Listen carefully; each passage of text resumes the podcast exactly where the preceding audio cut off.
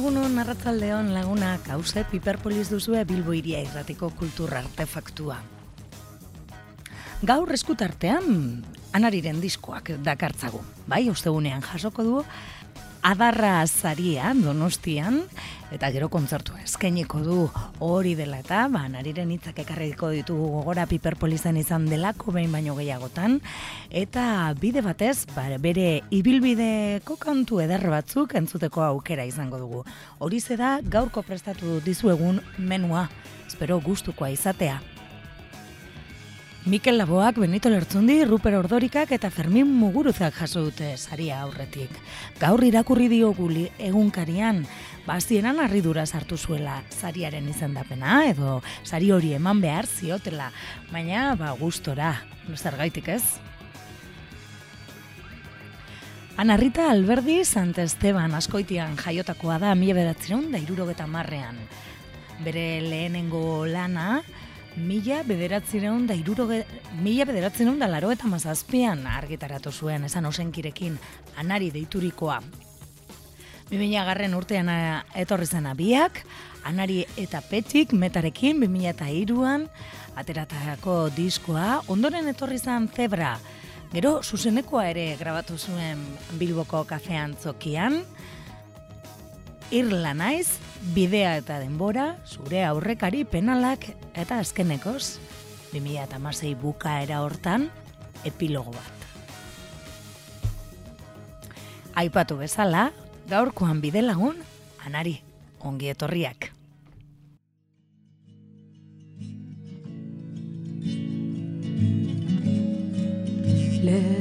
Leiotik sartu zaigu eguzkia Lapur bat bailitzan da eskutan urtu diz Kigo ametsak Da atzoi zotzati handi bat zena Gaur urrutxa da bi Atzmin juetan bera Ta ezin eutxi. Berriz etxi Atzean zubidenak erre Ta iesigoa zoinak hautsitako zaldi baten gainean. Bilargidun gau horiean onagertuko zaiegun sentiak harrapatzen gaitu beti. Dan dara da Iesi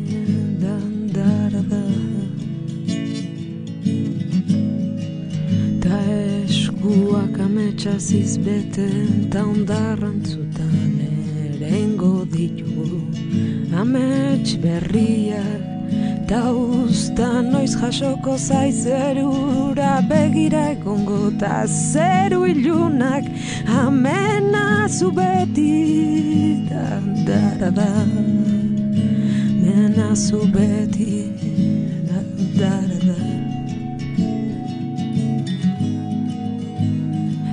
zer gara Hortila utxak baino Ta zer gara Ekilibristak baino Bibiotzen arteko oso Kauskor hortan errari Dabiltzan ekilibristak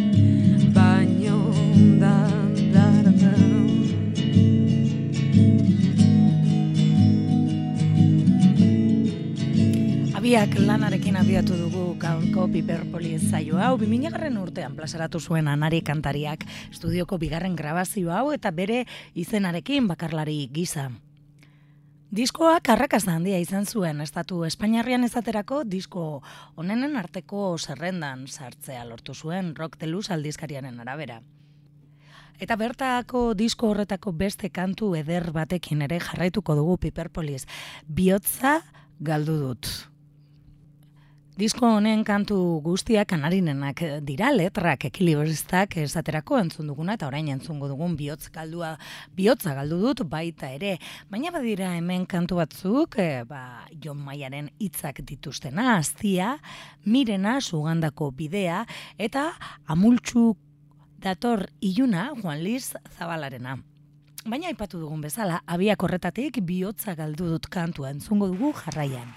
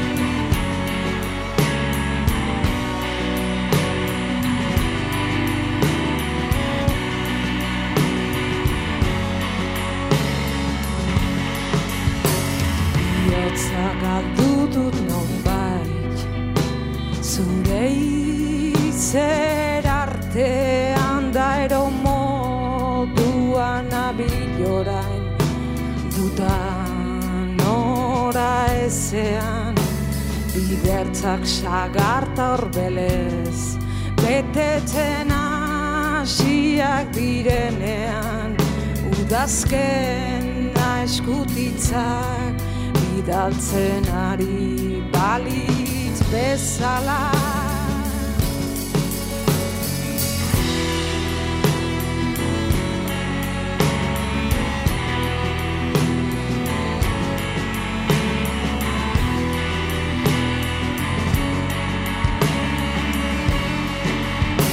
Zezulo hain bat dut orain ezerk betetzen ez duen zulo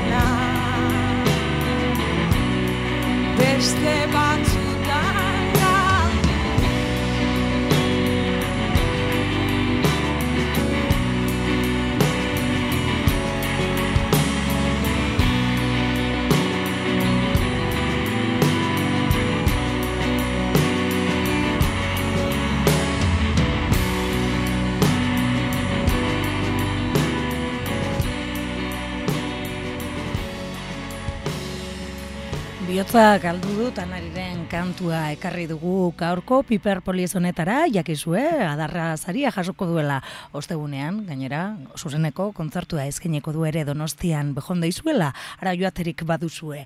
Hala ere, kantu zaharrak ekarri ditugu, baina aipatu dugu anari gurean izan dela, behin baino gehiagotan ezaterako, epiligo bat bere azken lan argitaratu zuenean ere, izan genuen saioan, eta orain, Haren hitzak ekarriko ditugu gogora azken lanaren inguruan. Zure aurre, aurrekari penalak egin eta urte betera epilogo bat atera zuen, ba, oporretan tik bueltan, banaia bazeukala beste kantu sorta bat egiteko. A, ona hemen, anarik epilogo bat atera zuenean kontatu ziguna.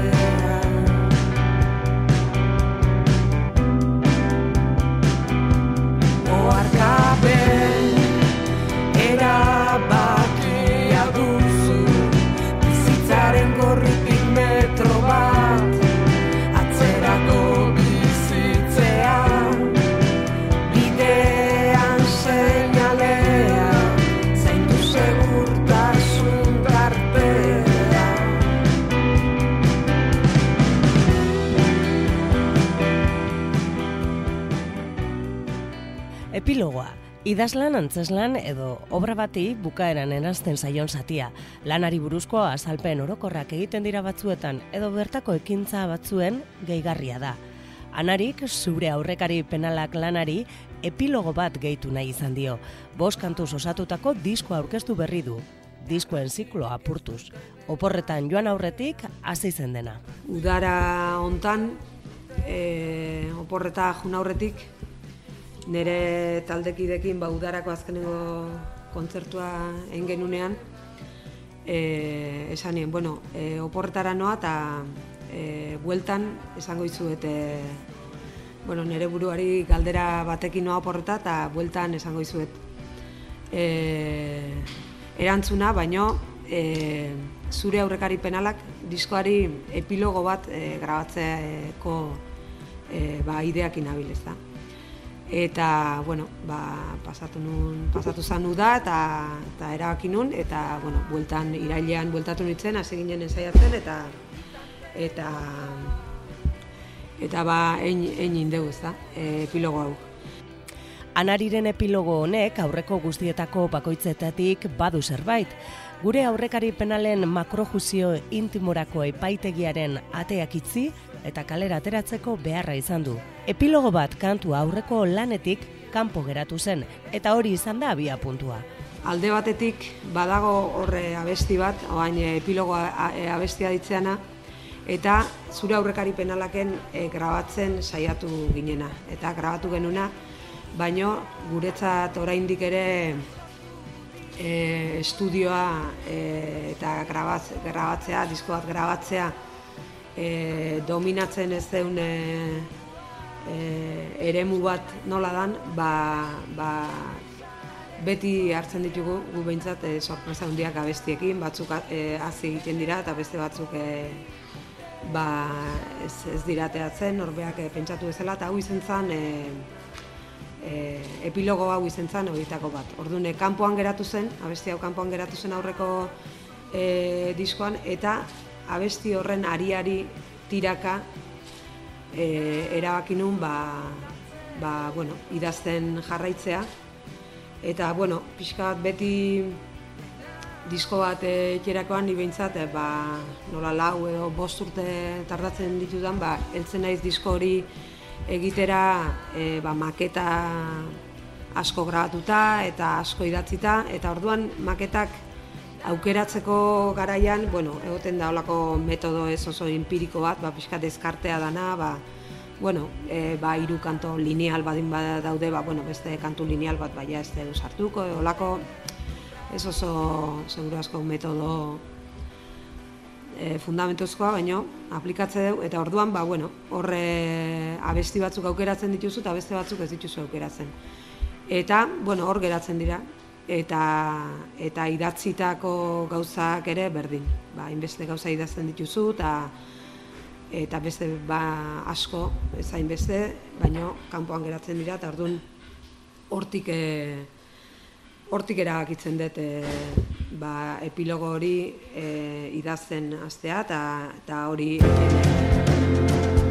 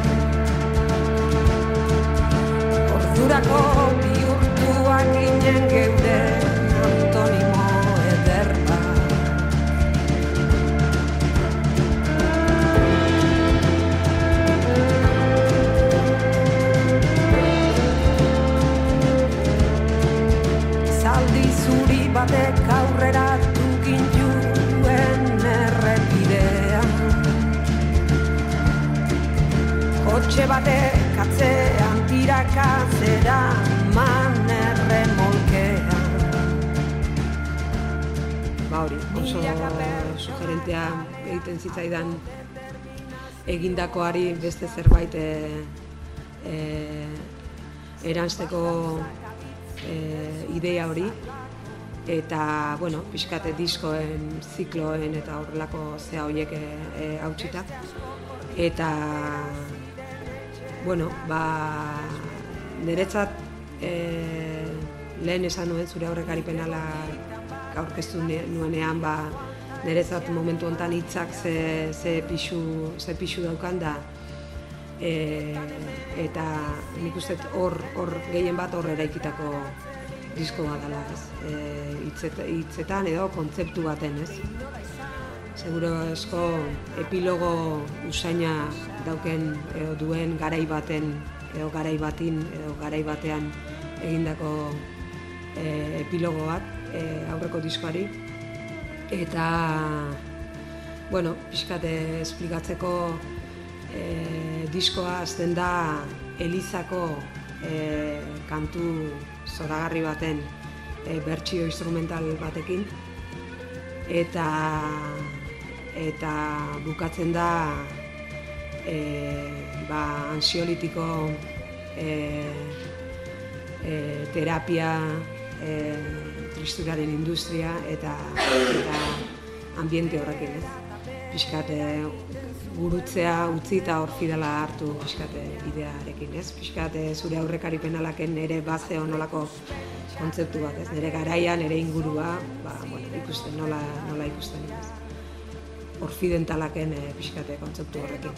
Eta, bueno, hemen oindik eta gehiago e, tira egin diot kontzeptu horri, eta Sortzaile bezala ere sentsazioa bereiztia izan du. Izan ere diskoa ez egiteko autua egin izan basuen, orain kantu hauek ez ziren existituko. Bueno, sortzaile bezala guztien dizula olako galdera arraro baten sentsazio bat, ez? E, Lehenko aldiz izan dute, e, bueno, aukera bat bezala, eta aukera bat bezala hartu dut, eta galdera bat egin dion nire buruari egingo dut, edo dut Tirako dut aurrera eta egingo dituta besti hauek, edo ez ditut ingo besti hauek, ez?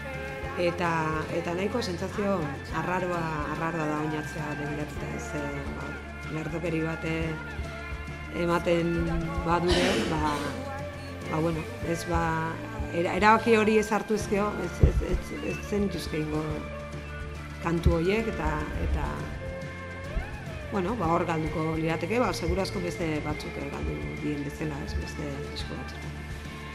Orduan, ba hori, oso prozesu alde hortatik e, ere oso ederra, ederra izan da eta libre alen izan zen. Beraz, e, udararen bukaeran e, prestatu genuen, eta bi astetan e, grabatu eta nahaztu genuen, garate estudiotan, handoainen, udazkeneko aste batean grabatu eta neguko aste batean e, e, nahaztu. Eta tekniko lanetan, Martxel Arkarazo e, onda, e, gurekin tekniko e, zuzeneko tekniko bezala da bilen e, Martxel Arkarazo ibili da eta txap, e, Carlos Osinaga txap ere bertan izan da. Ba, Intro batekin abiatzen da diskoa, kantu instrumentala, eliz doinuak, eta anziolitikoei gorazarre piromania kantuak izten du diskoa. Neretzat e, diskonen gauzarik eh, ederrena da, hasieratik e, opari bat bezala planteatu dutela. E, e, opari bat entzulei, gure entzulei, eta, eta bueno, ba, diskoak, e, gure diskoak eta gure azkenengo diskoa ere, ba, ba nola e, jasotzen dutena, nola bere egiten duten e, entzule, entzule hoiei. Eta, asko disfrutatu dut e, prozesuan idazten e, e, taldearekin prestatzen, grabatzen e, etzait beti pasatzen asko e, disfrutatzearena. Eta bueno, libre egin dut ba, bueno, ala erabakita e, egingo nuela erabakita eta bueno, e, bueno, nahi izan dut e, librein da libreiteko ez inori kontatu egiten ari ginenik. Eta bueno, e, oso, oso gustora geratu nahi egia esan da oso gustoa geratu geha taldea ere e, diskoaren bueno, ba, bai emaitzakin, baino baita e, prozesuarekin ere.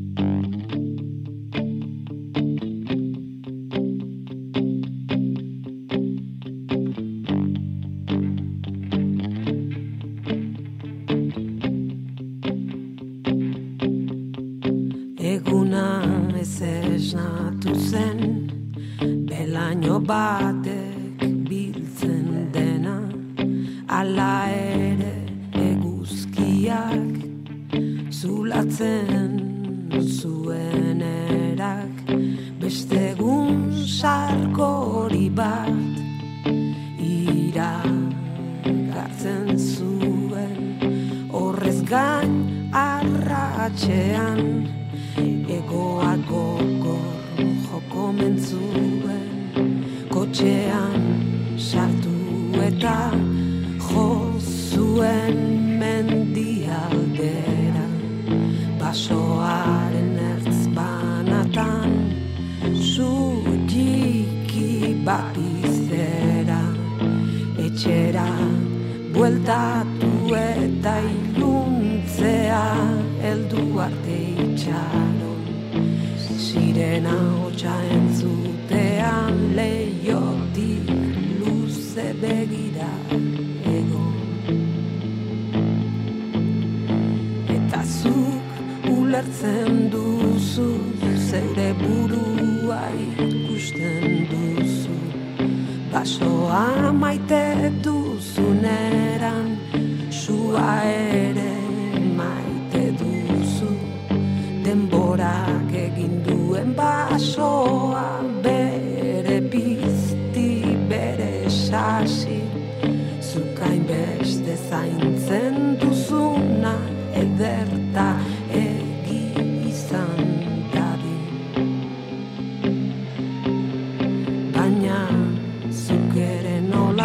baso adina Zua maite duzun. Beste inoren ertzean Zutiki bat pizten duzu. Baina zuk ere nola baso adina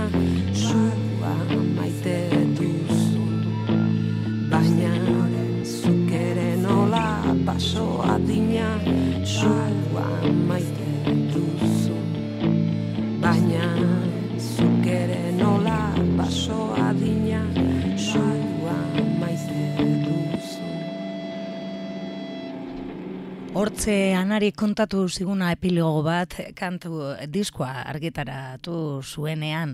Gaur berrian irakurri dugu, ez? Esan duela, ba, uda eta oporrek zango dutela anari norantza joko duen. Baina gero eta garbiago du, nahiago duela, bi edo hiru urtetik behin disko labur bat egin eta ez hainbeste luze bat bost urteren behin. Bueno, ba, hortxe, ez, epilogo bat eh, enkin ateratako bidea e, disko laburra izan zen, eta e, disko laburra da, bauskantutako kan, e, diskoa dugu, beraz agian ez dugu horren beste itxaron behar izanik, ba, kantu berriak entzuteko aipatu bezala oporren ostean era, ikusiko dugu ze bidea hartzen duen. Eta errepasu hau ba guk bukatzeko, ba guri ge, gehien estimatzen dugun kantu bat ekarri nahiko genuke anariren e, kantu eder horietako bat. Irlana ez diskoan topatzen dugu kantu hau, 2009an atera zuen Irlanaiz ka, e, diskoa, e, bideutzekin dagoneko, bideutze ba, kolektiboaren baitan.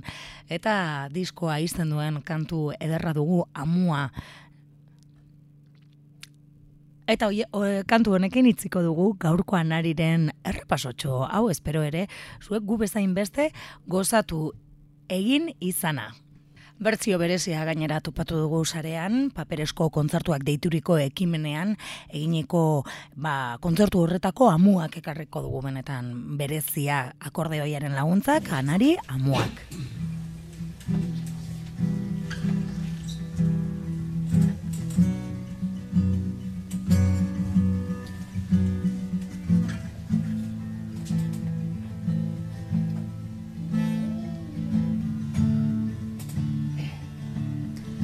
Zure amildegiaren ertzean naizela galderak atzetik Zatzen nauela ezin dut. Erabaki honek biegingo nauela jakinaren gainean Neu naizen beldurrez beste neu bat sortzeak zer emango didan. Eta zerken du Baina galderak berak erdi batzen gaitu Buelta eman ezkero Amu bat eken dut heldutan aukan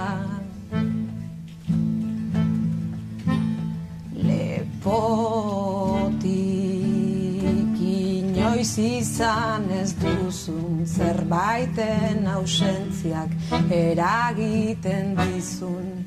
Zulo sakonak zeure burua. Ez ezagutzera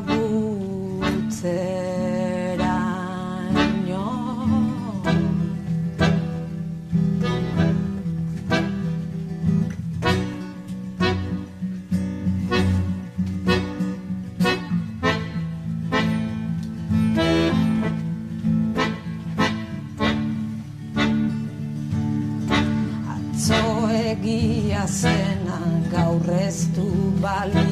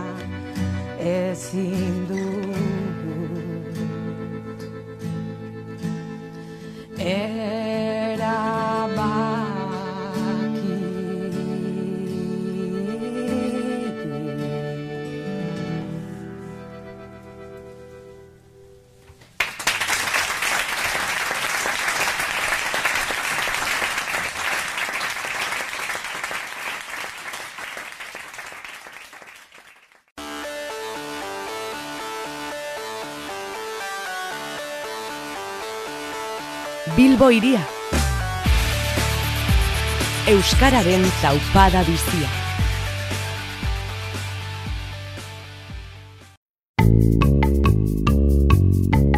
Utopiaren postontzia. Jon Troiope, ama bostean behin. Duela pare bat aste Ramon Bareak jaso zuen zinemaldiko euskal zinearen ohorezko saria. Merezitako eskeronaren arira egindako elkarrezketetan autodidakta izaera behin eta berriz nabarmendu zuen. Zenbat diren haien kabuz ikasi eta sekulako artelanak egiteko gai direnak.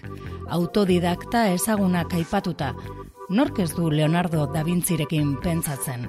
Gurera etorrita, Maurizia Aldaiturriaga pandero jole ordezka ezina, edota Eulalia Bautia argazkilaria, Euskal Herrian emeretzi eta hogeigarren mendea zieran ez egoen bertzo antzerki zein trikitriza eskolarik. Ez eta argazkilaritza ikastaro trinkorik ere, eta are gutxiago emakumeentzat jakina. Norberak bere kabuz ikastea zen modu bakarra. Eskutuan askotan, jarduera klandestino bezala. Etxean panderoa jotzen ikusi eta entzun, ondoren errepikatzeko, berrinterpretatzeko eta bersortzeko. Behartuta kanpora irten eta behin irudia ezagututa, bapateko maite mina bezala horretan jardun eta berritu nahi. Beldurrak baztertuta zenak dioenari jarraituz, taula gainera arriskuz irten. Baina autodidakta izatea aukeraskoa izan daiteke batzuentzat eta beste batzuentzat aldiz ikasteko aukera bakarra. Beste erremedorik ez duenaren irten bidea alegia. Aipatutako artistak bezala, disiplina handia eskatzen du aukeratutako horren gainean sakondu nahi bada. Egia da egiten ikasten eta zergaitik ez sentitzen dugunaren autodidakta garela denok, naurri batean. Norberak bere kabuz barneratutako lesioak sakonen geratuko diren horiek dira, izan ikasketak zein bizi esperientzia. Umeago ginenean, gaztetzetan ezagutu genituen hainbat lagunek bezala, mirestu izan ditugu hainbat idazlek eta musikarik bezala, lurra zapalduz, arriskatuz eta egunerokoak ezagutuz ikasten du autodidaktak. Halako autodidaktek gainera, apaltasuna nagusi izan ohi dute eta katzetatik ikasi ohi dute. Esperientzia eta elkartruke honetarako ezinbestekoa da taldea kolektiboa, etengabeko hartu emana. Autoikaskuntzaz jarduten da asko orain. Internet eskura duen edonor jakintza osoa eskura omen dauka.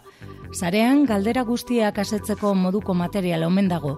Ugaritu ziren aspaldi pantaila aurreko autoikaskuntzarako akademiak eta ia edozein materiaren gaineko online ikastaroak ere badira. Horrela, edonork zinez dezake musikaria dela, diseinatzailea, programatzailea, komunikazioan abitua, baina nork zerk eta nola ordezkatu du edozein jakintzak ezinbestekoa den aragizko esperientzia eta arnaz trukaketa? Lasai, ez du arnaza eta aragiaren beharrik sorionekoak bai gara. Azkar azetzen dugu jakinduria etxean eserita bakarka. Denetik txukun jakinez eta dotore ikasten, ezertan saiatu gabe. Patzadas eta norberak bere autodisziplina alferrean itu gabe. Esaterako, modako bainu jantzi estua jantzi, piztin atzanoa buruan ipine eta puntako betaurreko aerodinamikoak erosiz, sekula uretan sartu ez bagara ere, norpentza dezake igeri egiten ez dakigula. Zerbait gehiago behar alda, eta don't worry, uretan hiltzeko sorian gaudenean, etorriko da, sarean eta ezerita, igerian ikasi duen, soroslea gu salbatzera.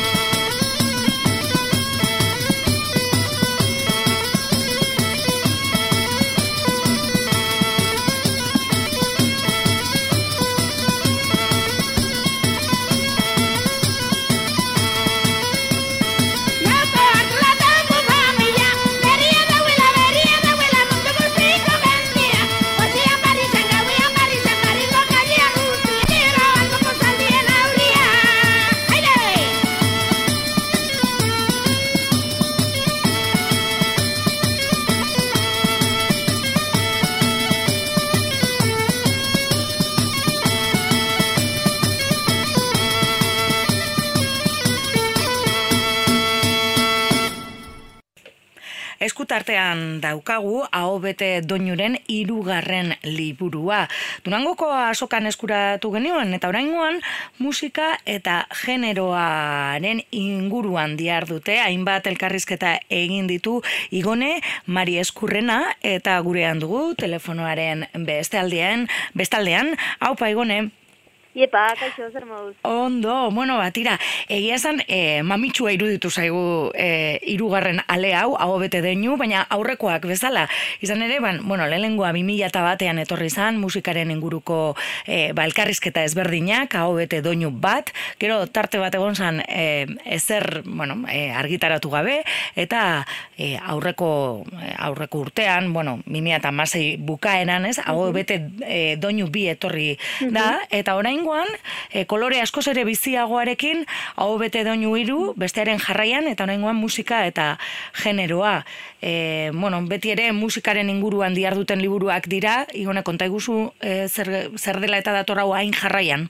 Bai, E, tira, hau bete doinu bat, e, lehen biziko saio uran, iri urruti xamar geratzen zait, orain dela ama urte izan zelako, e, zuk esan bezala horre tarte bat egontzen ama urtekoa, e, bitarte horretan denodak egun bezala e, interneten e, irautza iritsi zen, musika sortu, ekoiztu, saldu eta kontsumitzeko moldeak irauli egin ziren, eta hain justu, hau bete duen bi e, liburu horren helburua izan zen, horlako freskatze bat egitea, edo e, lehen dabiziko zenbaki hartan egintzen diagnostikoa, eguneratzea eta ikustea zertantzen e, egoera, sektorearen egoera, esan mm -hmm. eta masilean. Eta bigarren zenbaki hortan, e, nik e, bueno, zeharkartu nuen parte esan e, ez nintzen e, buru elarri aritu proiektuaren hasiera hasieratik, baina bai ikusi genuen e, hankamot geratzen zela injustu generoaren kontuari dagokionez. Ez zela behar bada nahikoa ausnarketarik egin, edo e, ez zuela behar bezain besteko espaziorik hartu liburuan generoaren e, kontu honek. Mm Orduan, dagoeneko bigarren zenbaki egiten ari ginela, konturatu ginen eta oso presente eduki genuen ba genuela hor e, asignatura bat edo zintzilik, ezta? Eta eta hori hori edo horrekin zerbait egin beharra zegoela. Mhm. Horregatik diotsut, ba bigarren zenbaki da ari ginela hirugarrengo honetan pentsatzen. Bueno, ezagutzen ez duen e, duenarentzat izango da eta entzuleren bat hau bete doinu entzun aldizkariak argitaratzen e, dituen liburuak dira eta beti ere ardatza musika da. E, dinot, agian e, ematen du e, ba, bueno, jendea jakin behar duela e, ze, ze argitalpen motan inguruan berbetan ari garela, ez? Bueno, hortik, ez? Beraz, ja, aurreko urteako hau bete doinu birekin ja ikusi zenuten musika eta generoa ere e, landu behar e, zenutela. Eta orain honetan elkarrizketa guztiak zuk egin dituzu, ez? bai, hori da. E, ikusten genuen, ikusi nuen alde batetik, orekatu beharra zegoela e, emakumek e, liburu hontan edo liburu segida honetan zuten presentzia aurreko bizen bakietan ba gutxiengo absolutua izan zirelako eta eta tira ba e, kuantitatiboki mm. orekatzea aparte ba esan bezala hausnarketa ekarri beharra zegoela mai gainera ez eta Hasiera batean aitortuko dizut, e, iaia inertziaz edo e, erreakzioz jokatuta pentsatu nuela, ba, hori, emakumez e, euneko eunean osatutako liburu bate izango zela, iaia salaketa liburu bat, baina gero pentsatu nuen asko ze, bueno, e, egokiagoa eta errealistagoa eta beharrezkoagoa zela, emakumeak ez ezik, ba, gizonezkoak ere ekartzea ausnarketa honetara, eta eta tira ez emakume eta ez da gizon bezala ere bere burua ikusten ez dutenak ere. Ez nahi dute azkenean hau e, abaniko zabalua da eta beti gabiltza dikotomia horretan ez da eta azu egiten zaigu ba, ba direla beste realidade asko. Hortaz guzti horiek ekarri behar genituela hausnarketara. Eta eta horixe izan da horixe izan da emaitza baita ere. Elkarrizketa bilduma bada hausnarketa bilduma bat nork bere ikuspegitik egin ditu hausnarketak, musika sektore bezala ulertuta abiatu genuelako proiektua, eta hortaz ez direlako bakarrik musikariak e, aritu mm buruz pentsatzen. Baita ere, kazetariak, e, manaierrak, komunikazio esparruan dabiltzanak, e, enpresa arloan dabiltzanak baita ere ikuspegi askoz enpresariago dutenak beraz, eta eta holaxe osatu deguneko abaniko eta kolore gama zabala. Bai, ez, interesgarria adibez, e, ba, e, jogun bak esaten diguna, ez, minarismoak apurtu behar direla gizon emakume, e, homo e, hetero, ez, e, horrekin, ez. Egia esan, hausnarketa asko, asko eta asko e, daude, e, zaila izan egingo zaizu ere e, zuri, e, suposatzen dut labur biltzea, baina aukerak eta gutxi gora bera nola egin duzu, ba, e, sektorearen argazki hori ba, hartu nahiean edo? Badira, e, izen oso ezagunak daudenak e, elkarrizketatuak, eta agian beste batzuk ez, ez aizkigula mm. egiten nahi ezagunak. Bai, egia esan ez nu, hasiera batean e, ez, ez nu jokatu zen, ez ditu izen konkretu batzuk edo zehatzatu izan buruan, baizik eta profilak, ze profil bilatzen duen edo ze ikuspegi mm bilatzen duen. Eta horren arabera profilak ez iritziak, eh? baizik eta profilak definituta hasi nintzen e, bilatzen eta atea jotzen eta eta begiratzen nor zegoen printzipioz edo e, gehien, kasu gehienetan presta bertu dira, eh? Ez mm -hmm. bat erori da, baina esan nahi dute profilak zehazu eta horren arabera jo naizela ja ate joka eta eta iritziak e, eskatzen. Eta esan bezala ba, musikaria birat artean, ezin bestean, E, baita ere gustatu zitzaidan bereziki eh baterako el drogasen emaztearekin hitz egitea mamenekin. Ba, oso interesgarria e, bai. Bai, oso ikusi ez ezaguna ematen duelako, bai. ba, emakume honek eh, bizitza oso adarama, e, oso ezaguna den e, gizon baten e, bueno, ibilbidea sustengatzen eta ibilbide profesionala sustengatzea aparte bere, bere bizitza pribatua, intimoa, familia, etxea, espazio pribatu azken batean hori guztia ere sustengatzen. Orduan,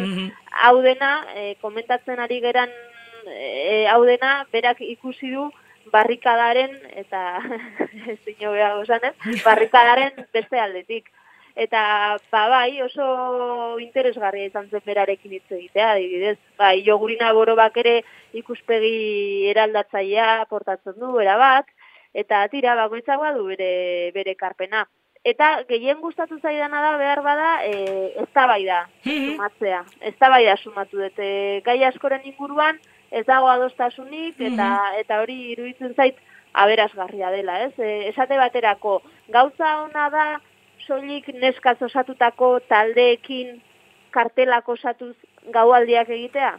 Mm -hmm. gaualdi bat... Horrekin askotan ez da da izaten dela. Hori da, zen mm. bakarrik neskak arituko diren mm estenatoki gainean.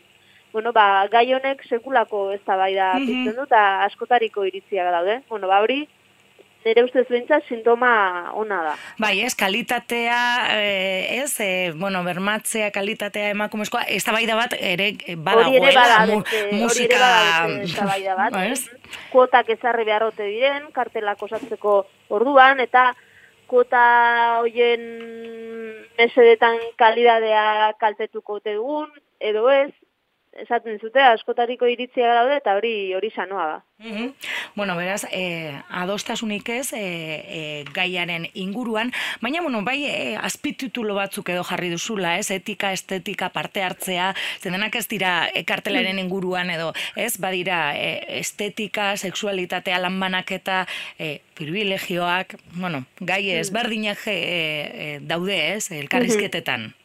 Jakina, bai, musika eta generoa aipatzen degunean, iaia ezin bestean burura datorkiguna da, zenbat emakume ari dira musikan, ez? Zenbat emakume mm -hmm. musikari dauzkagu, hori da behar bada lehenengo datorkigun kontua burua, baina honekin adierazi nahi duguna da beste, beste mailak eta pila badaudela, ez dela bakarrik zenbat, baizik eta nola, mm zertan aritzen diren emakume horiek, bai estenatoki gainean, eta baita bakesteitzean ere.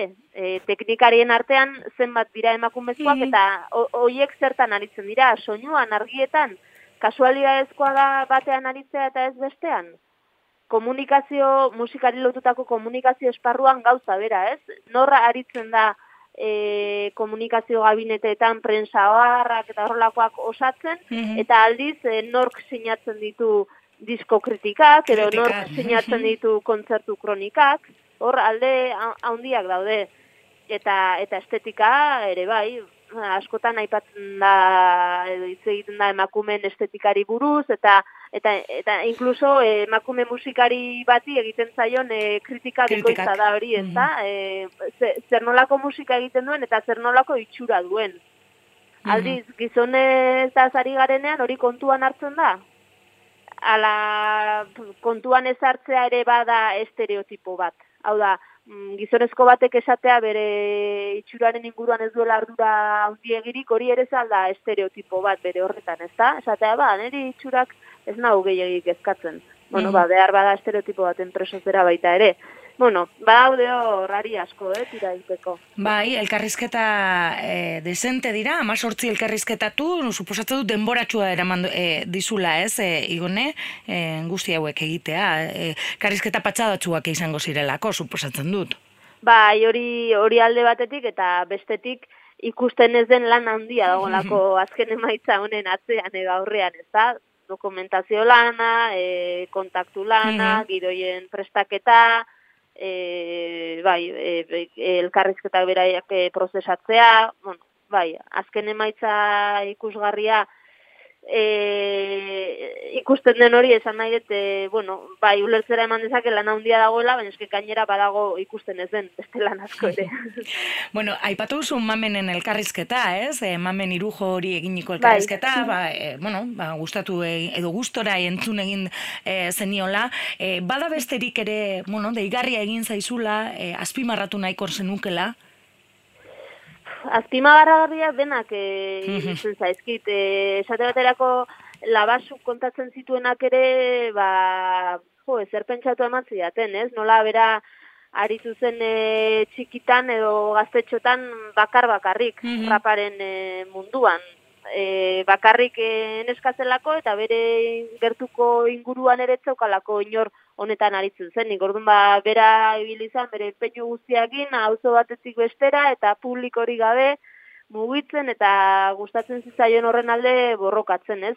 Aitortzen du tarteka, ba, bere itxura eta kantatzeko era maskulinizatu behar izan zituela mm onarpen bila, hori nahiko esanguratsua da eta eta tira urteekin eh, hori gainditu duela, baina iruditzen zaiola ba, gizonezko askok bere esparruan ba, badituztela klitxe asko oraindik gainditzeke. Hmm. Suposatzen dut ere gizonezkoek esandakoak ere interesgarriak izango direla, ez? Bai, oso, oso, oso.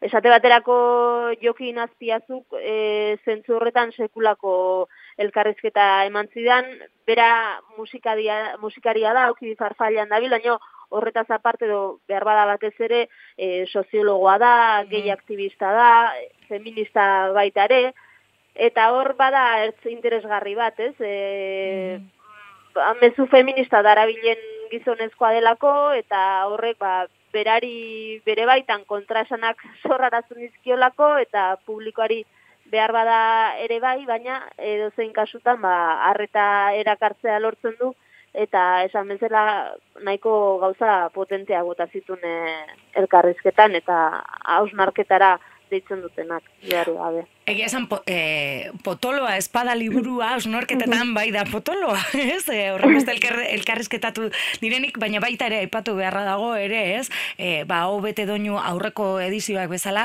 oso zaindua dagoela edizioan, ez? E, maketazioan, argazkiak, ba, bueno, nahi dut esan, elkarrizketa horiek ere erakar, e, mamitsuak direnez, ba, ba, bai. astiro, astiro irakurri daitezkela, irakurri daitezke bat, gero utxi, gero jarraitu, ez? Hori da, jakina ez da, hola kolpe bat batean eta segidan irakurtzeko moduko liburua eta ez da novela bat. Hartu dezakezu eta bira gaur elkarrezketa bat irakurriko dut e, bueno, atxeen hartzen utziko dio liburuari, eta mendik egun pare batera beste bat irakurriko dut, ez? E, azkenean testigantza solteak dira, eta ez dute zertan elkarren albuan jun behar, ez ditugu zertan elkarren segidan irentxi behar, mhm. hori bada bantalla. Bai, ez, eta lan handia ere argazkietan, ba, bueno, maketazio mm. horretan, ez, erakargarria egiteko ere irakurketa. Bai, e, argazkiak egitea zirantzu pastor argazkilari arduratu zen, eta egia esan oso oso gustora arutu ginen eh, elkarrekin ikuspegi antzekoa eta pentsakera antzekoa genuen eta eta uste dut hori nabaritu dela bai. E, bueno, ba, hortxe hau bete doinu iru, generoa eta musika aztertzen du, duena, amazortzi elkarrizketa, e, Durangoko asokarako aurkeztu zenuten, dagoeneko ja hilabete batzuk pasatu dira, igonen e, nola jaso du jendeak, ez dakit e, jaso duzu erantzunik? Bai, printzipioz e, jaso duguna positiboa izan da. E, bai, zen, bai elkarrizketatuek e, beraiek eskerronez e, jaso dute etxean, ez? Azken emaitza beti da pozgarria. Eta bestela ere, e, irakurri dutenen aldetik kritika positiboak e, jaso ditugu, eskerroneko hitzak orokorrean, e, ba, ba hori, esan ez azken batean, ba, ekarpen interesgarri bat eta mamitsua egin diogula gai hori, asko dago oraindik honetan egiteke, baina tira, ba aldetxoa jarri dugu eta hortaz da kontent egindakoarekin bai. Mm Bueno, eh hau bete doinu etorriko da besterik edo oraindik eh hirugarren honekin eta bueno, hemendik igual eh dinot ez daukadalako maiztasun bat, ez? Besterik mm. gabe, ez? Eh. Ba, baliteke, aurkituko bagenu, edo aurkitu badegu gairen bat e, horrelako zerbait merezi duena egingo dugu bai gabe. Mm Bueno, ba, hortxe dago, entzunen eskuragarri dago, entzunen webunean, nahi izan eskero, entzuleren batek ba, interesa izan eskero, eta liburu dendetan suposatzen dut ere egungo dela. Bai, hori da. Ba, igone, eskerrik asko, hau bete doinu hiru hau e, gurean aurkeztu izanagaitik. Zuei, tartea egiteagatik. Bueno, urrengo batera arte. Bale, ba, mi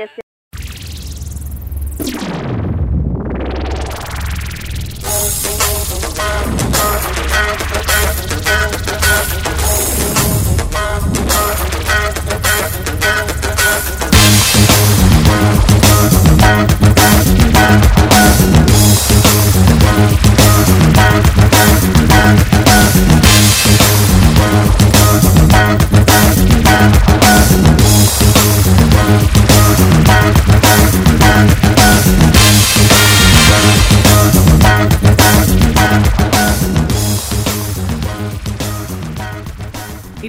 Hausia izan da Piper Poliz azte honetak, honek eman duena. Bueltan etorriko gara, datorren astean zazpiegun barru Bilbo Iria irratiko kultura artefaktura.